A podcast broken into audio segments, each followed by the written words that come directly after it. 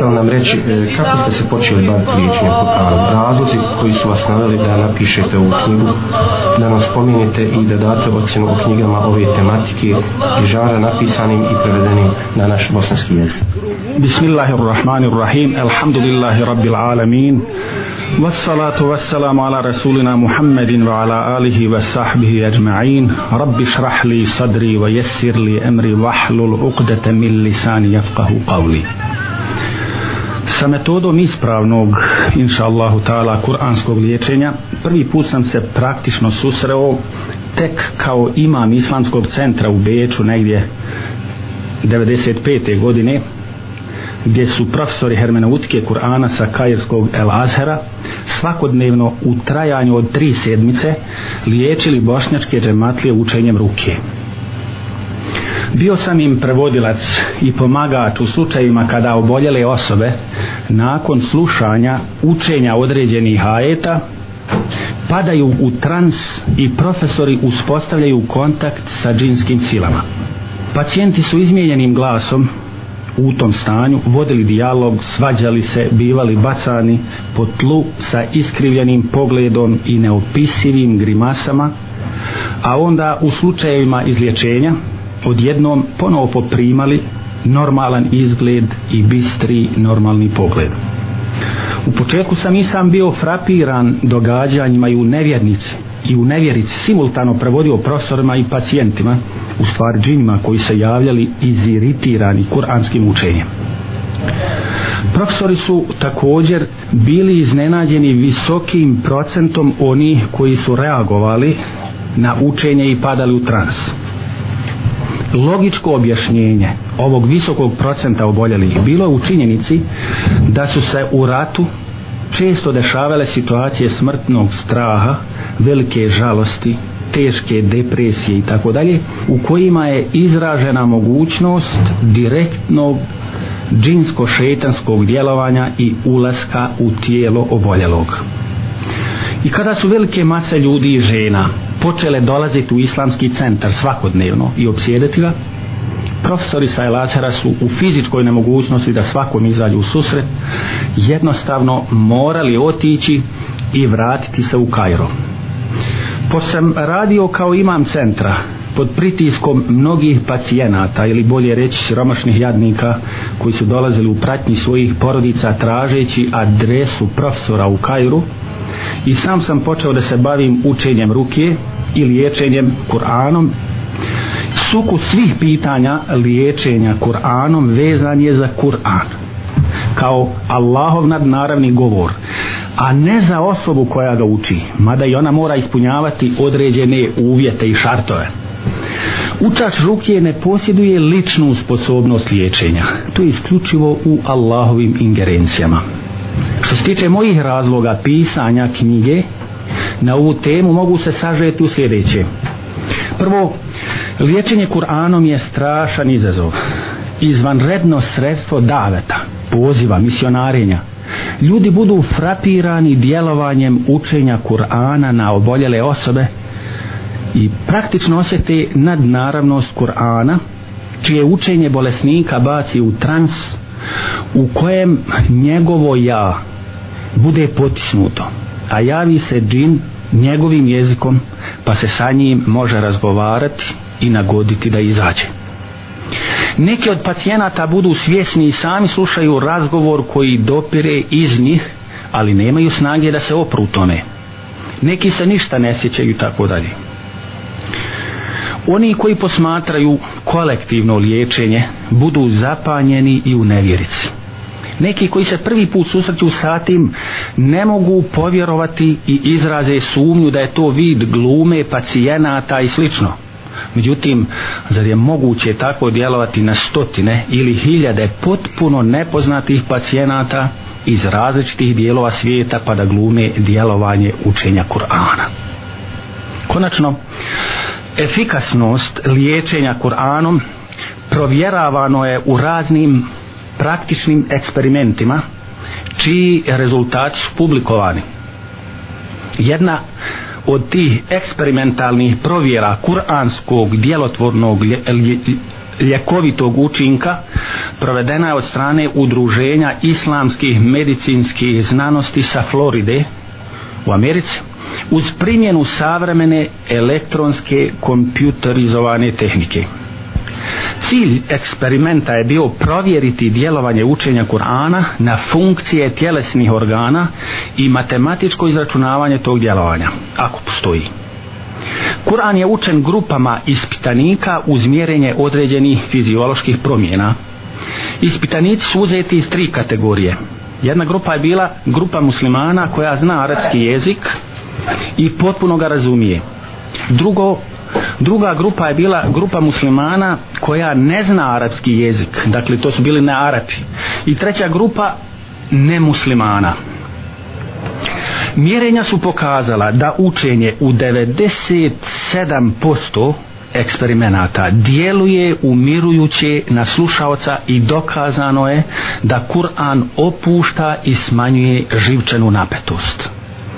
U drugom eksperimentu dokazano je djelovanje kuranskih riječi na nekoga koji ih ne razumije putem dvije metode, odnosno upotrebom dva sredstva.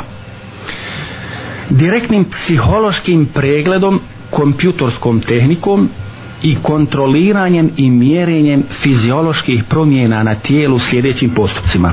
Prvo, program kompjutera je obuhvatao psihičke pretrage i kontrolu promjena koje je pretvarao u štampani izvještaj sa rezultatima.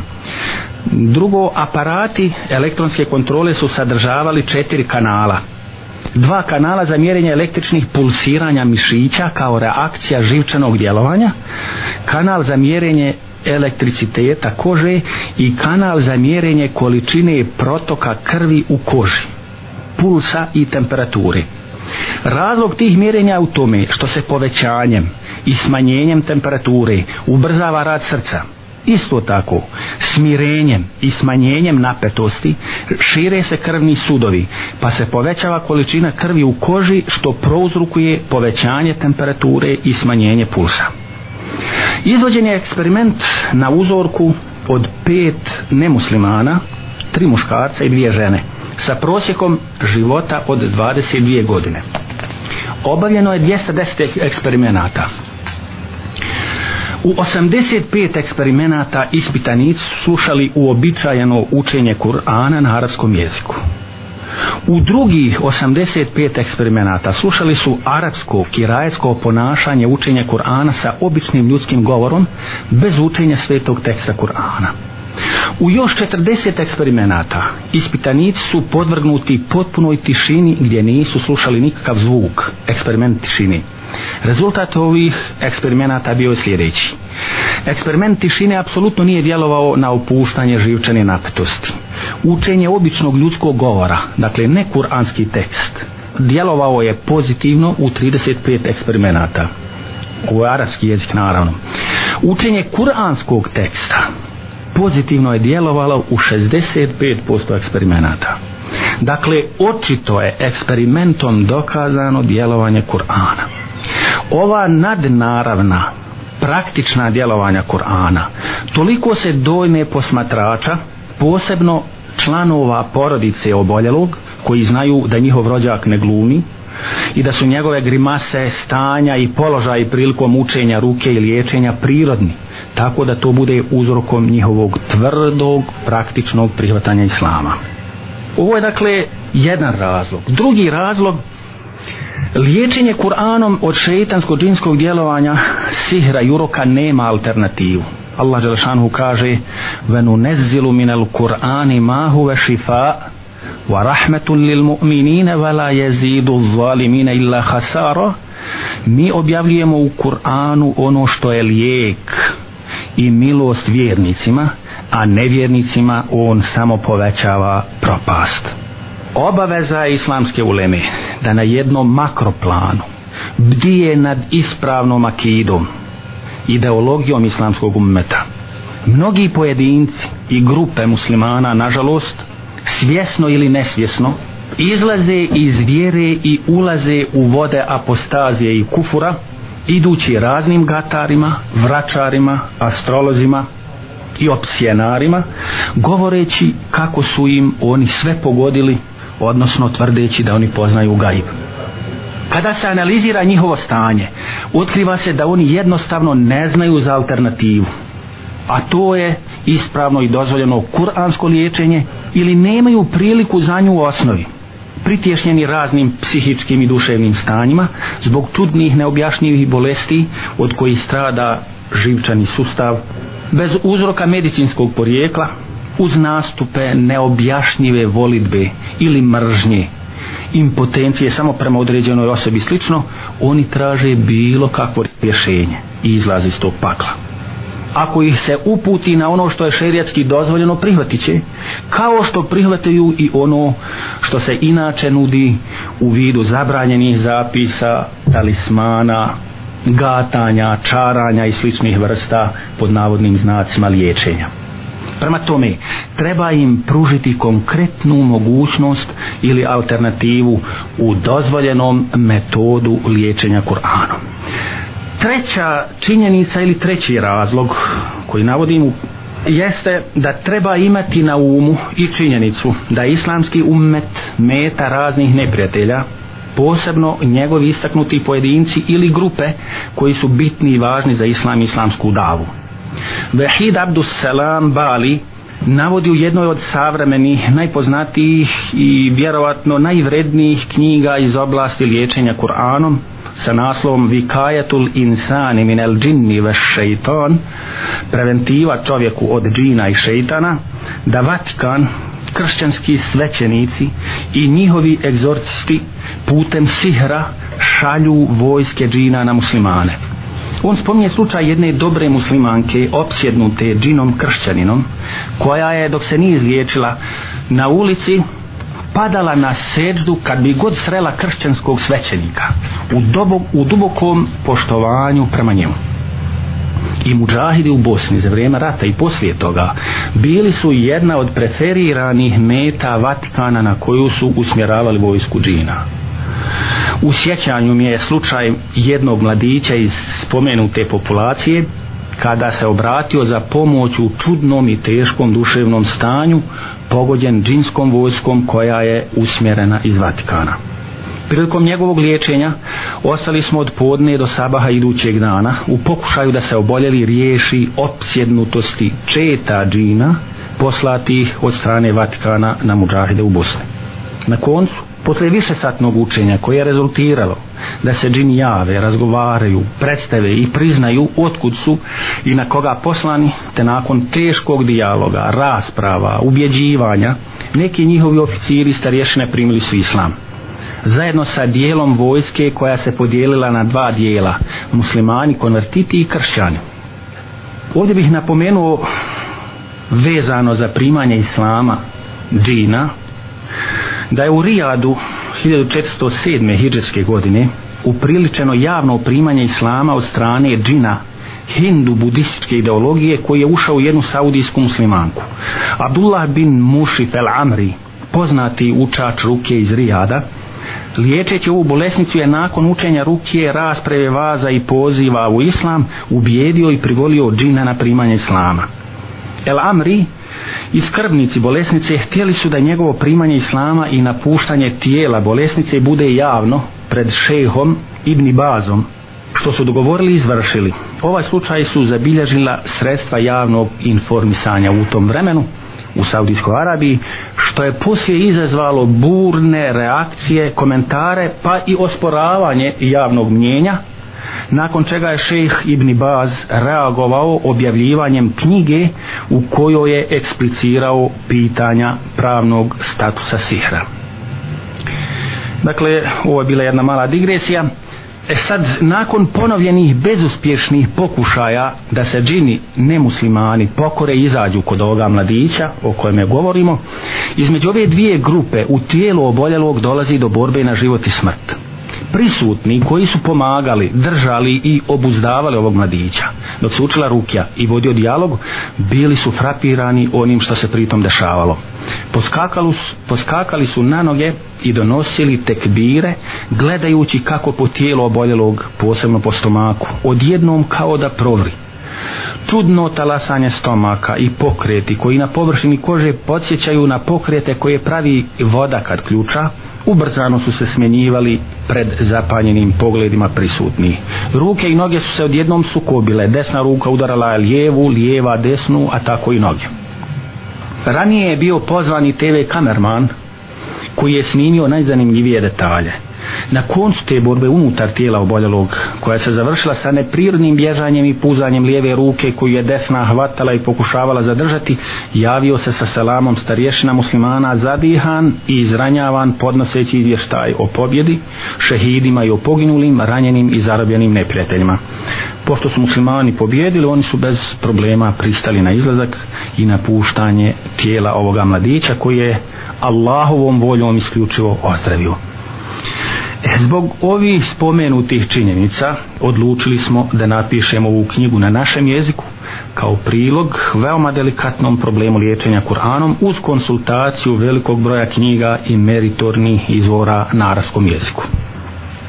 Što se tiče knjiga iz ove oblasti, koje se pojavili kod nas kao samostalni radovi ili prijevodi, nakon letimičnog uvida mogu se globalno svrstiti u dvije vrste – knjige koje sadrže dozvoljene metode kuranskog liječenja i one koje sadrže nedozvoljene metode metode liječenja sihrom da bismo mogli prepoznati dozvoljeno od nedozvoljenog u njima poslužit ćemo se u globalu valorizacijom i načinom kako Vehid Abdusselam Bali prepoznaje sihir baza čije djelovanje je šerijatski zabranjeno. On navodi ako primijetiš samo jedan od sljedećih znakova kod onoga koji se bavi liječenjem, on je bez ikakve sumnje sihirbaz.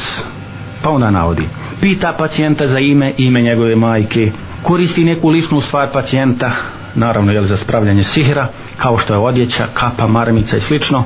Ponekad zahtjeva životinju sa određenim svojstvima da bi je zaklao bez spominjanja Allahovog imena čijom krvlju možda namaže bolno mjesto ili samu lešinu baci na neko pusto mjesto piše talismane, uči neke nerazumljive čarolije i talismane, daje pacijentu zapise koji sadrže četvoro ugaone figure u čijoj unutrašnjosti su nepovezani harfovi ili brojevi, naređuje pacijentu samoć u tamnoj prostoriji gdje ne prodiruje svjetlo sunca, ponekad traže od pacijenta da ne dolazi u doticaj sa vodom 40 dana ovo upućuje da je džin koji služi sihirbaza kršćanin u ovome slučaju onda dadne nešto pacijentu da zakopa u zemlju dadne pacijentu listove koje će zapaliti i nakaditi se na njima mrmlja neke nerazumljive riječi ponekad sihirbaz obavijesti pacijenta o njegovom imenu mjestu i problemu zbog kojeg je došao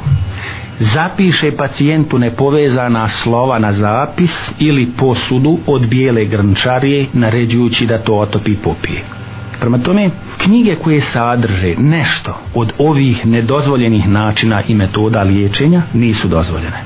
Kroz fikske propise koji su eksplicirani u tekstu knjige koju sam objavio, može se uočiti svati razlika između dozvoljenih i nedozvoljenih načina liječenja tima automatski jeli između ispravnih i neispravnih knjiga ono uglavnom što se može reći generalno za nekoliko prevedenih knjiga od arapskih autora ako ih kompariramo sa šerijatskim izvorima i stajalistima ispravne su i sadrža ako Bog da dozvoljene metode liječenja tu mislim u prvom redu na knjigu Oštri mač protiv sihirbaza od Vehida Abdusselama Balija i slične njoj.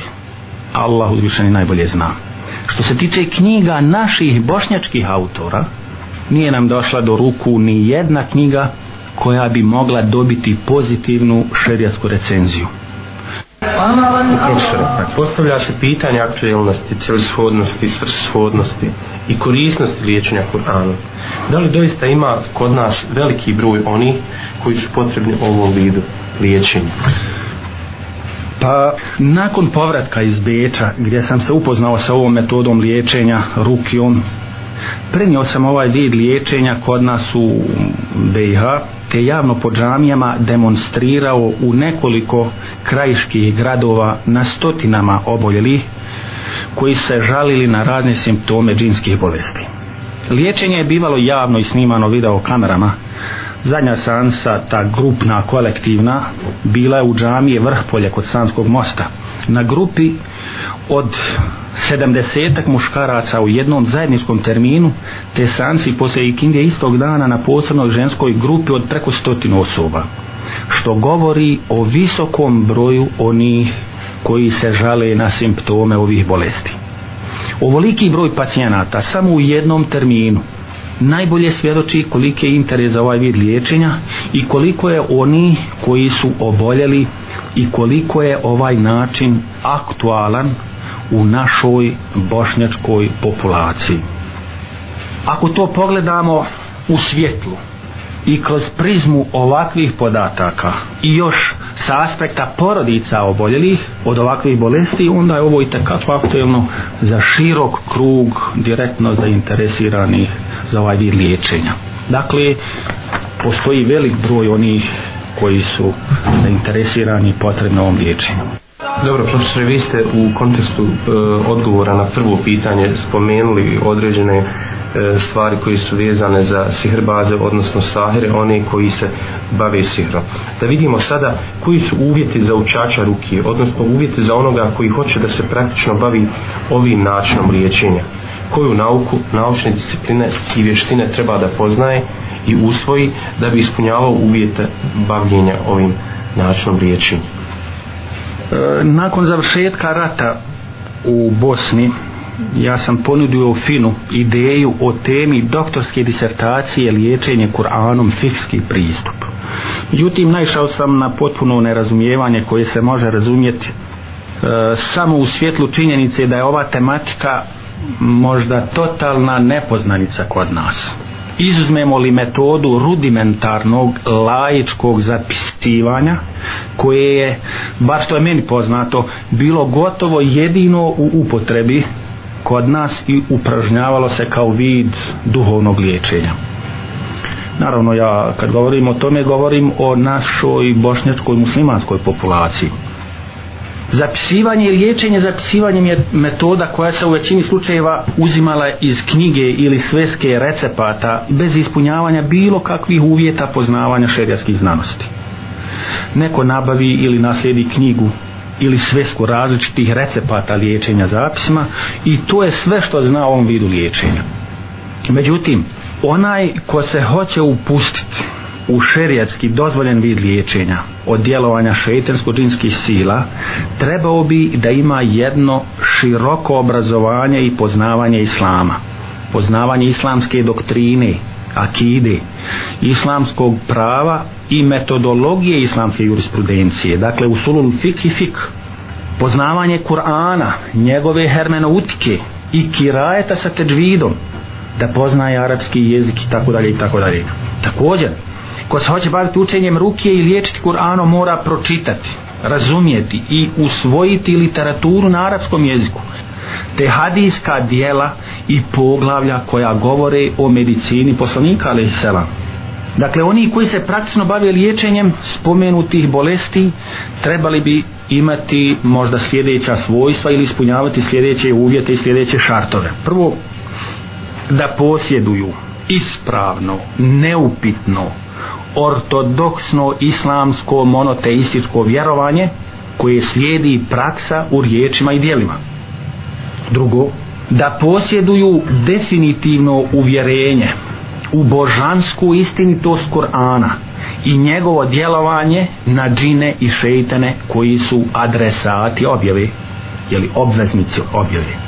U Koranu se kaže, وننزل من القرآن ما هو شفاء ورحمة للمؤمنين ولا يزيد الظالمين إلا خسارا mi objavljujemo u Kur'anu ono što je lijek i milost vjernicima a nevjernicima on samo povećava propast također se u Kur'anu kaže ja ejuhen nas kad džaetkum mev'izatum mir rabbikum vašifa'u lima fis sudur وَهُدَمْ وَرَحْمَةٌ لِلْمُؤْمِنِينَ O ljudi, već vam je stigla poruka od gospodara vašeg i lijek za vaša srca i uputstvo i milost vjernicima. Također se u Kur'anu kaže Kul huve lilledine amenu hudem ve šifa reći on Kur'an je vjernicima uputstvo i lijek. Treće, da poznaju islamsku doktrinu vezanu za tajanstveni svijet džina i šeitana jer se prilikom liječenja i kontakta sa džinima moraju donositi odluke pri čemu se može napraviti katastrofalna pogreška četvrto Dakle, trebali bi također da poznaju islamsko pravo, njegovu doktrinu i da mogu otkriti šetenske spletke i zavodjenja, kao što se prenosi od Ibni Temije kome je jednom prilikom džin ponudio izlazak iz bolesne osobe rekavši izlazim iz poštovanja prema tebi međutim šeh mu je odvratio ne moraš izaći iz pokornosti Allahu i njegovom poslaniku dakle ne iz pokornosti ni temi peto lijepo bi bilo da osoba koja se bavi liječenjem bude oženjena kako bi bila manja mogućnost griješenja i kako ne bi padala u iskušenje sa oboljelim ženskim osobama koje prilikom liječenja u velikom procentu bivaju u transu i potpunoj ovisnosti ne sjećajući se uopće šta se sve sa njima dešavalo. Zbog toga za vrijeme tretmana i liječenja sa pacijenticom obavezno mora biti prisutan njen skrbnik, njen veli, kako bi se izbjegla mogućnost griješenja. Šesto, dakle od ovih uvjeta koji bi trebali da se nađu pri učaču ruke, treba da se klone griješenja jer griješenje pomaže šeitanu i daje mu pravo da ne sluša, da se ne pokorava, i da ostane kod oboljele osobe. Sedmo, trebali bi da obavljaju vjerske obaveze i ibadete sa kojima se slabi šeitanski uticaj. Osmo, da spominju i slave Allaha Đalešanu na način kako je to propisano sunnetom u različitim prilikama i situacijama. Dakle, jutrom i večerom, dakle, jutarnji zikrovi, večernji zikrovi, uz onaj, jel, ibadet, obavezni i tako dalje. Također deveto da imaju ispravan i čist nijet kod liječenja i konačno da se imuniziraju, ja se tako izražavam, dakle da se imuniziraju ili, ili e, pri sebi postave vid zaštite posebnim vidovima sunnetskih zikrova, ukoliko se neko više približi Allahu Đalešanu ibadetom, zikrom, pokornošću i slično, utoliko se više udalji od šeitana i mogućnosti da oni na njega djeluju. Dakle, to bi bili uvjeti od prilike šartovi učača ruke, odnosno ono. Profesore, nakon toga mislim da bi bilo bitno da kažemo i samu definiciju ruke i njena, njenu šarijatsku utemljenost da spomenemo, odnosno da navedemo uvjete ili šartove šarijatske ispravne ruke. U šarijetu se spomenute bolesti, koje je spomenuti o kojima sam govorio u knjizi i tako dalje, te bolesti liječe se metodom učenja ruke. To je u stvari učenje zbirke ajeta ili određenih ajeta, rečenica, odlomaka iz Kur'ana, a Kur'an je jeli lijek kao što nam i sam Kur'an kaže i što smo već više puta navodili jeli mi objavljujemo u Kur'anu ono što je lijek i milost vjernicima a nevjernicima on samo povećava propast u predanju hadisu dakle koje bilježe mnogobrojni hadijski autori, kao što su Ibn Sunni, Hakim, Bejhekija i Abdullah bin Ahmed bin Hanbel, daje se izbor ajeta koji se uče za ozdravljenje od sara što je osnova ruke koja se uči kod liječenja u Bejbin Kjab pripovjeda bio sam kod vjerovjesnika alehi selam kada je došao neki beduin rekavši Allaho vjerovjesniče imam bolesnog brata sad ga poslanik alehi selam pita od čega je bolestan kaže od ludila poslanik alehi selam mu naredi dovedi ga stavio ga ispred sebe, a potom proučio sljedeće ajete. Dakle, u ovom hadisu sad navodi u stvari taksativno šta je to u stvari rukja, odnosno šta je poslanik Ali Selam učio prilikom liječenja. Pa na prvom mjestu kaže se da je učio sljedeće ajete. Fatihu, pa drugo. Ajete iz suretul Bekare. Treće, učio je ajet iz sure Ali Imran, to je 18. ajet. Četvrto, učio je ajet iz sure El Araf, to je 54. ajet. Peto, 116. ajet iz sure El Mu'minun, pa onda šesto, učio je treći ajet iz sure El Džin. Sedmo, učio je prvih deset ajeta iz sure Esaf.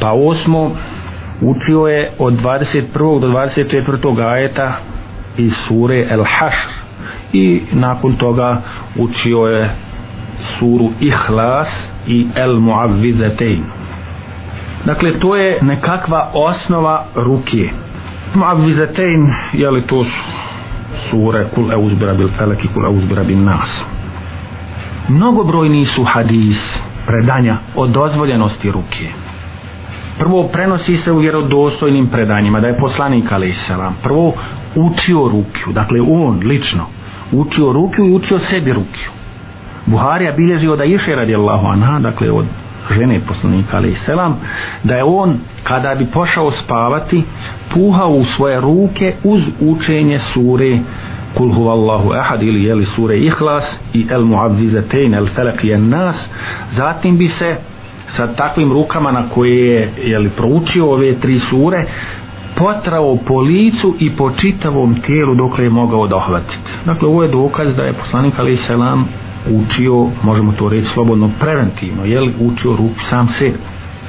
Dalje, također se prenosi da je poslanik Ali Selam naređivao učenje ruke drugima, Buharija bilježi od Um Seleme, radi Allahu anha da je poslanik alaihi selam vidio u njenoj kući robinju na čijem se licu mogle opaziti simptomi džinskog uroka pa je naredio proučite joj rukju jer se na njoj vidi da je urečena također prenosi se da je poslanik alaihi selam učio rukju i drugima Dakle, učio ruke u sebi, naređivao učenje ruke drugima i učio sam ruke drugima. Buharija bilježi, rahimahullah, od Aisha radijallahu anha, da je on imunizirao i štitio, zaštićavao neke bolesnike potiranjem desnice i učenjem dove. U prijevodu, ukloni bolest gospodaru ljudi, izliječi, jer ti si onaj koji daje zdravlje, nema izlječenja osim tvoga, ozdravljenja koje se ne povlati pred bolašću. Također prenosi se da je poslanik Ali i Selam učio rukiju i drugima. Dakle, učio rukiju sebi, naređivao učenje rukije drugima i učio sam rukiju drugima. Buharija bilježi, rahimahullah, od Aisha radijallahu anha, da je on imunizirao i štitio, zaštićavao neke bolesnike potiranjem desnice i učenjem dove. U prijevodu, ukloni bolest, gospodaru ljudi izliječi jer ti si onaj koji daješ zdravlje nema izliječenja osim tvoga ozdravljenja koje se ne povlači pred bolašću i prenosi se također da je poslanik Ali Selam odobrio i ratificirao slučajeve učenja ruke od drugih osoba Buharija bilježi predanje od Ebu Saida u kojem se kazuje da je grupa shaba putovala i našla se na teritoriji nekog arapskog plemena. Najavili su se kao gosti, međutim bili su odbijeni i nisu ugošćeni. U to vrijeme desilo se da je starješinu plemena ujela otrovnica. Pokušali su ga liječiti isprobavajući sve poznate metode liječenja koje su znali, ali nisu spjevali neko se u toj nevolji sjetio i gosti prema kojima su ružno postupili pa su im se zaputili sa molbom da oni pomognu liječenjem ako neko od njih poznaje tu vještinu jedan asad se javi da uči rukju međutim spomenuo je njihov odnos prema sahabima kao gostima i odbio učiti osim za protunaknadu postignut je dogovor da će za liječenje dobiti stado ovaca Asab je počeo sa pljuvanjem i učenjem ruke u vidu učenja i ponavljanja sure Elhamdulillahi Rabbil Alemin dok otrovani nije skočio kao da je oslobođen okova prohodao je koliko mu srce dopušta kako spominje u hadisu predaju dali su im obećano stado neki od ashaba su zahtijevali da ga međusobno podijeli međutim učaš ruke dao je prijedlog da to ostavi nakon što obavijeste poslanika alaih selam o svemu ovome i kad su mu došli i spomenuli slučaj on je odobrio njihov postupak rekavši i upitavši ovoga ashaba otkud znaš baš da je Fatiha Rukija pogodili ste a onda to jeli, ratificirao na izvjestan način pogodili ste podijelite dobitak i mene uključite sa dijelom ova vjerodostojna predanja i mnogobrojna druga temelj su konsenzusa od dozvoljenosti ruke koja se može podijeliti na dvije vrste. Prva, rukja koja se uči radi ozdravljenja nakon što neka osoba oboli i rukja koja se jeli, uči preventivno radi zaštite, imunizacije i sprečavanja oboljenja. E, sad, ruke koje su došle predajom od poslanika Ali Selam trebaju se učiti na propisani način, bez dodavanja ili oduzimanja, jer su doktrinarne prirode. Ako je preneseno da se određena ruke uči recimo na večer, onda je nije dozvoljeno primjenjivati poslije podne i slično. Dakle, trebalo bi doslovce e, ispoštovati to. Međutim, ako se iskustveno dokaže korisnost neke ruke koja nije doktrinarno određena, niti narušava uvjete pravovaljane ruke, bilo bi je dozvoljeno primjenjivati, jer se to razumije iz sunneta poslanik ali salam je dozvolio rukiju nedoktrinarnog porijekla koju su ashabi naučili od drugih ako nema neke šerijatske zapreke muslim bilježi predanje Ebu Zubeira da je nekog čovjeka ujeo i zatrovao škorpion dok su sjedili sa poslanikom ali salam pa je neko rekao Allah poslaniče da proučim rukiju a poslanik ali salam je rekao ko može da koristi svome bratu dakle nečim neka to učini I muslim bilježi od Afa bin Malika el Ešđaija koji kaže primjenjivali smo ruke u predislamsko doba. Reko smo, Allahu poslaniče, šta misliš o tome? On reče, pokažite mi svoje ruke na uvid. Dozvoljena je rukija u kojoj nema širka, u kojoj nema više boštva, politeizma.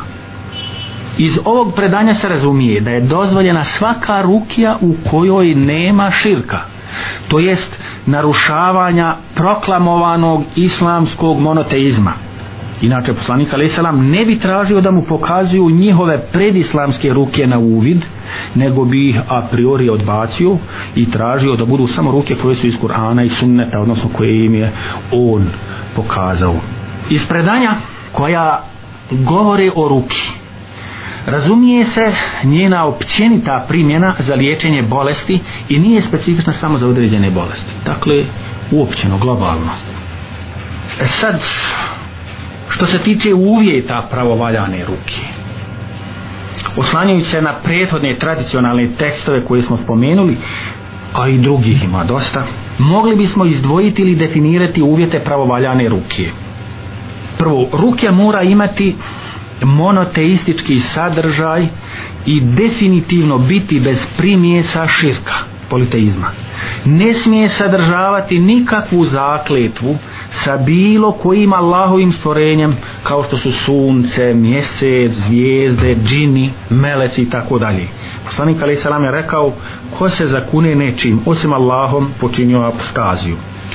Kufr ne smije također sadržavati vdovu ili traženje pomoći od Allahovih stvorenja u stvarima koje može samo Allah Đelešanu i koje samo u njegovim kompetencijama u Koranu se kaže u prijevodu a oni kojima se pored njega klanjate ne posjeduju ništa ako im se molite ne čuju vašu molbu a da i čuju ne bi vam se odazvali na sudnjem danu će poreći da ste ih njemu ravnim smatrali Drugo, rukija ne smije sadržavati sihr i vrađbinu. Sihr je haram, zabranjen i pravno se tretira vidom apostazije, kao što je došlo jeli, u predanjima, u hadisu. Treće, rukija ne smije biti ni od onoga ko ogleda, gata ili proriče, pa makar i ne bio sihir vas. Ahmed i Hakim bilježe predanje u kojem se kaže ko ode onome ko ogleda gata ili proriče pa mu povjeruje time čini kufur, apostaziju u ono što je objavljeno Muhammedu a.s.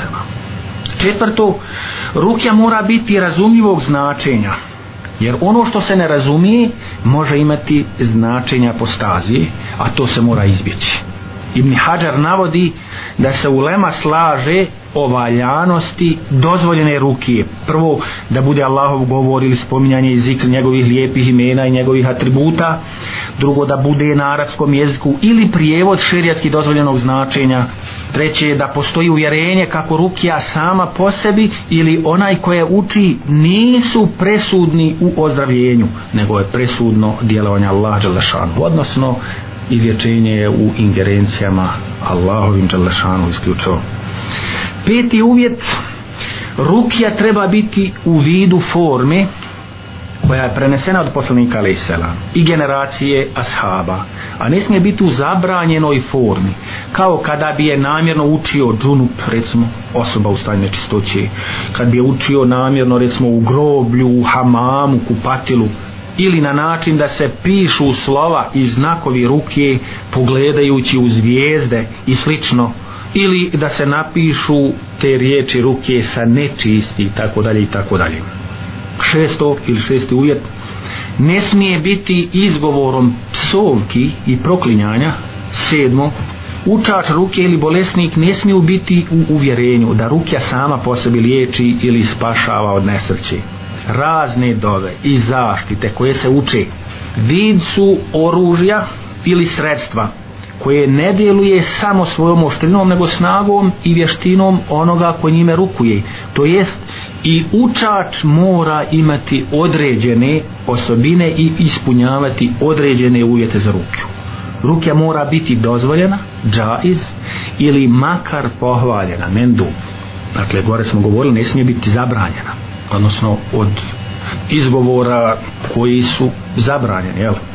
Učač mora biti na stepenu odgovornost sa ispravnim nijetom i ispunjenim uvjetima primljene dove da bi Allah Želešanu htio u sve to ozdravljenje i predestini, predestinirao ga.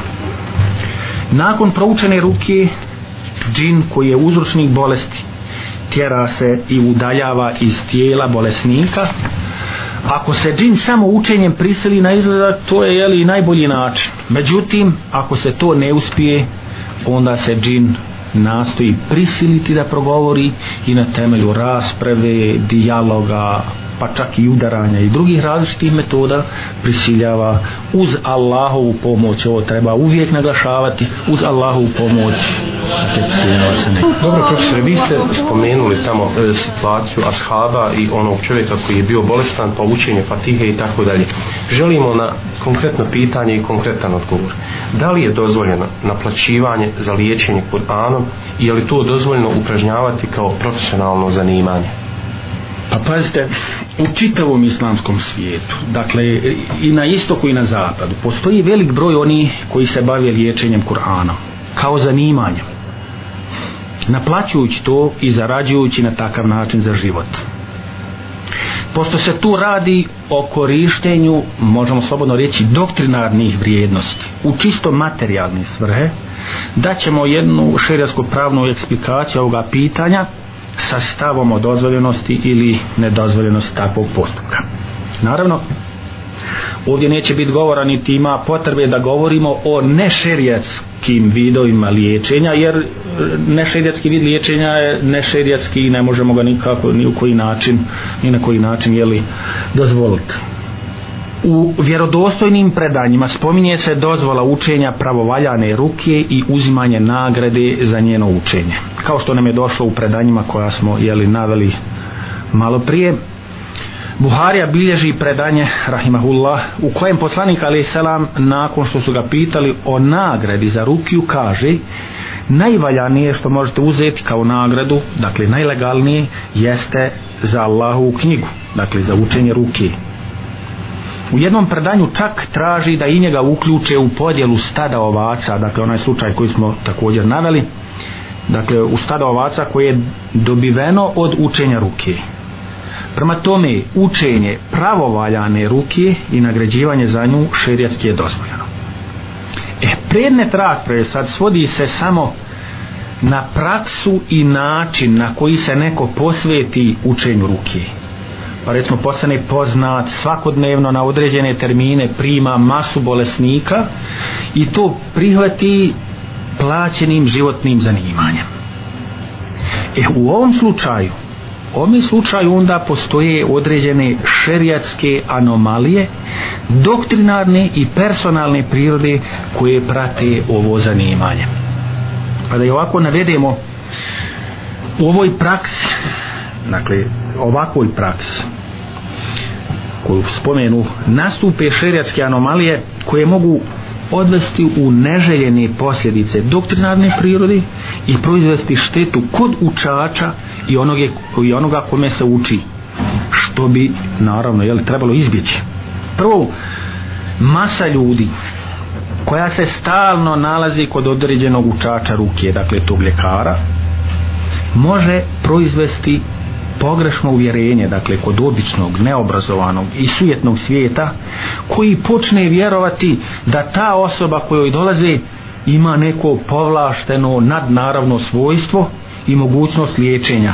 zanemarujući važnost Allahovog govora, dova i zikra koji se uče ili u krajnjoj konsekvenci zaboravljajući da je to u Allahovim kompetencijama, dakle to liječenje, a ne u kompetencijama te osobe oni smu snagu posvete dolasku do te ličnosti koja uči kako bi kod nje ugovorili termin i tako dalje zanemarujući ono što je bitnije i važnije Kur'an kaže venu nezilu minel Kur'an ima huve šifaun wa rahmetu lil mu'minin mi objavljujemo Kur'an ono što je lijek i milost vjernicima dakle tu nije rečeno da je čovjek taj koji liječi nego da Kur'an liječi odnosno da je Kur'an lijek ili u drugom ajetu kul huve li lezi namenu hudan ve šifa reci on je vjernicima uputstvo i lijek na ovaj način dakle ovakvim uvjerenjem umanji se važnost kuranskog djelovanja što je šteta u doktrinarnom pristupu vjeri koju bi naravno je trebalo izbjeći da.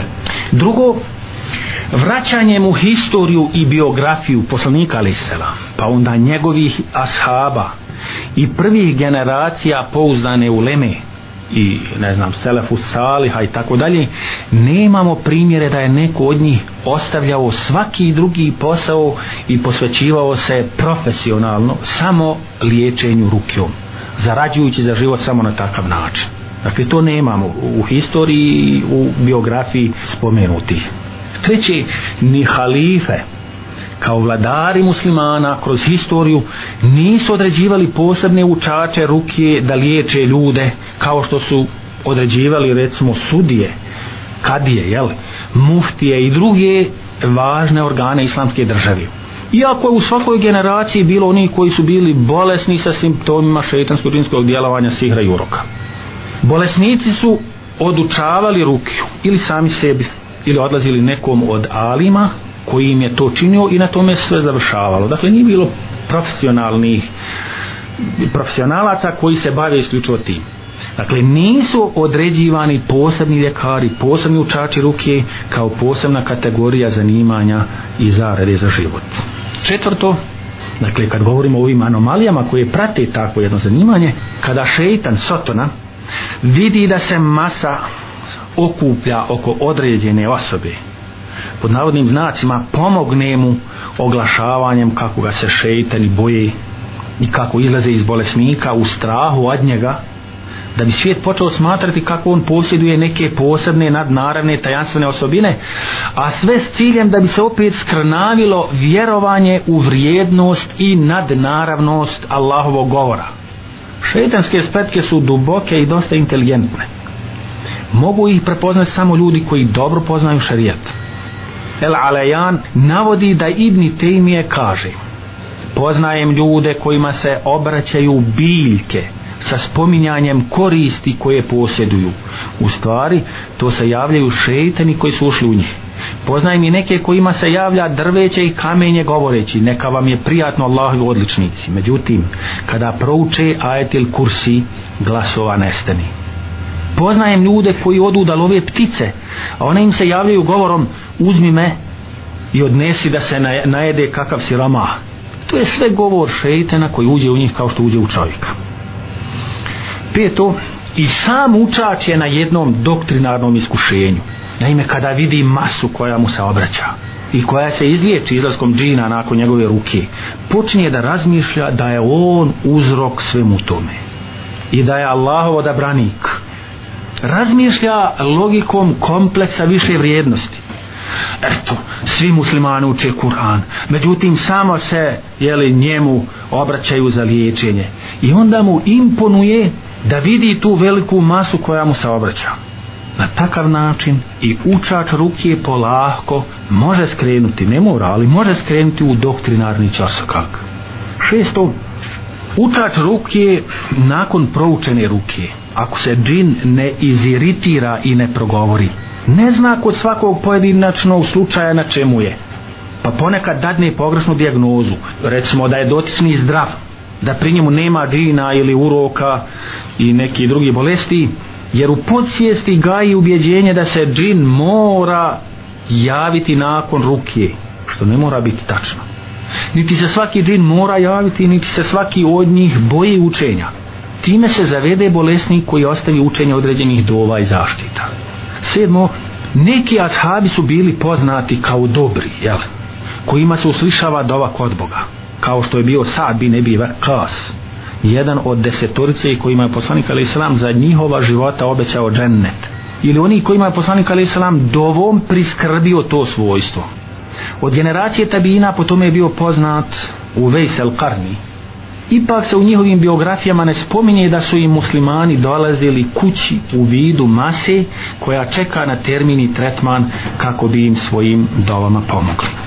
Dakle, možemo konstatovati da prihvatanje učenja rukije kao vid životnog zanimanja nije bilo poznato u vrijeme ashaba i prvih generacija pouzdanih učenjaka. Također, to može dovesti do neželjenih doktrinarnih anomalija kod učača i onoga kome se uči, iako je u osnovi jeli, dozvoljeno nagrađivanje, uzimanje nagrade za učenje ruke, ako nije u vidu profesionalnog životnog zanimanja. Prema tome, preporuka je da je tu djelatnost kao zanimanje bolje izbjeći.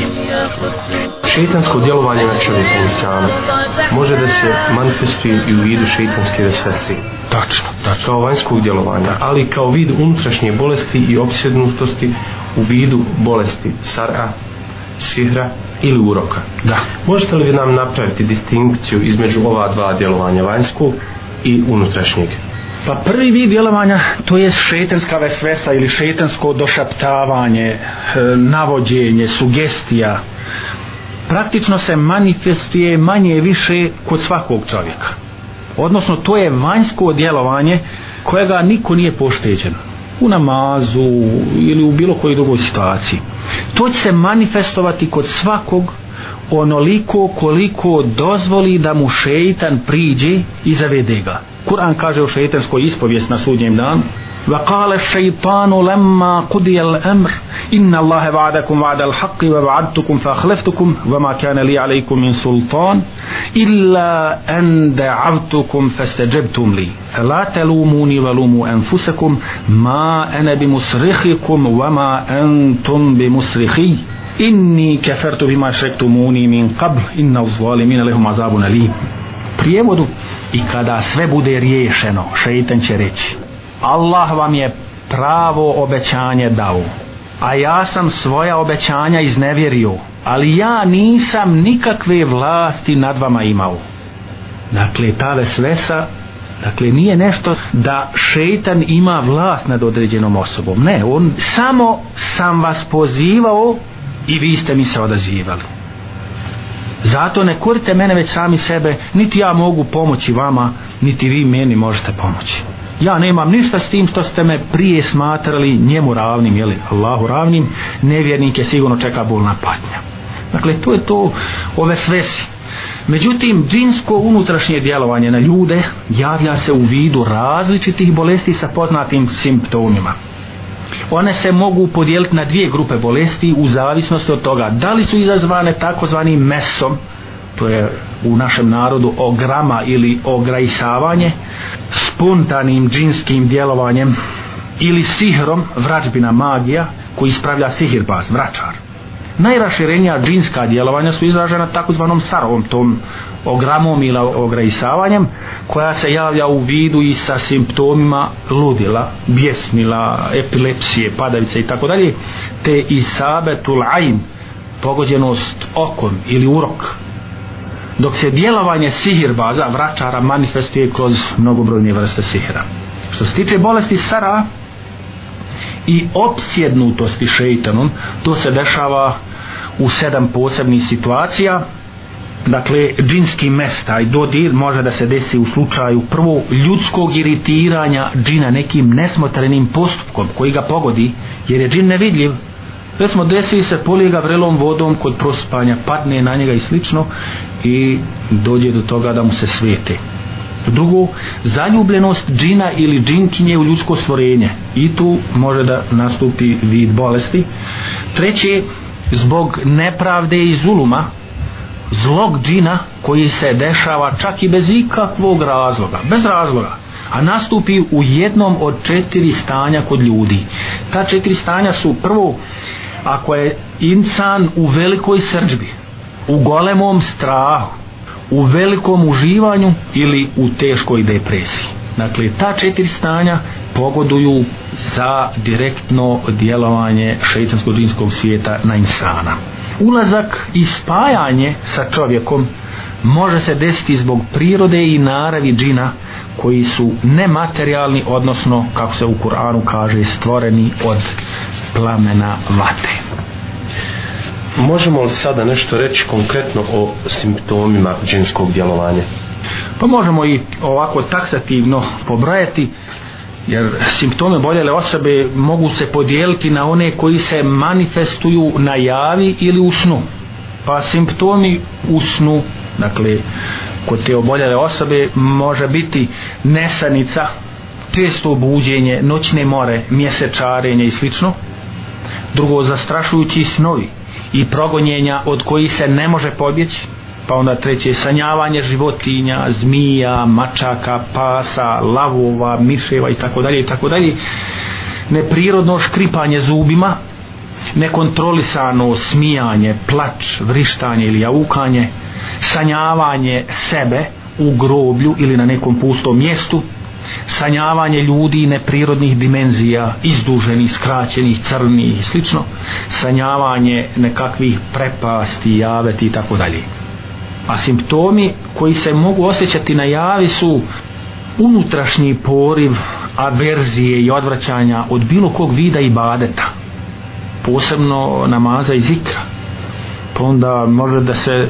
osjeća konstantna glavobolja koja nema medicinski uzrok pa odsutnost duha fizička lijenost i tromost koja podsjeća na robotsku neusklađenost pokreta nekakva kočenja i nervne krize bolovi u nekim dijelovima tijela koje je nemoguće medicinski liječi tako dalje i tako dalje dakle to su sve nekakvi vidovi i simptomi džinskog djelovanja na osobu A'udhu billahi minash shaytanir rajim الله لا إله إلا هو الحي القيوم لا تأخذه سنة ولا نوم له ما في السماوات وما في الأرض من ذا الذي يشفع عنده إلا بإذنه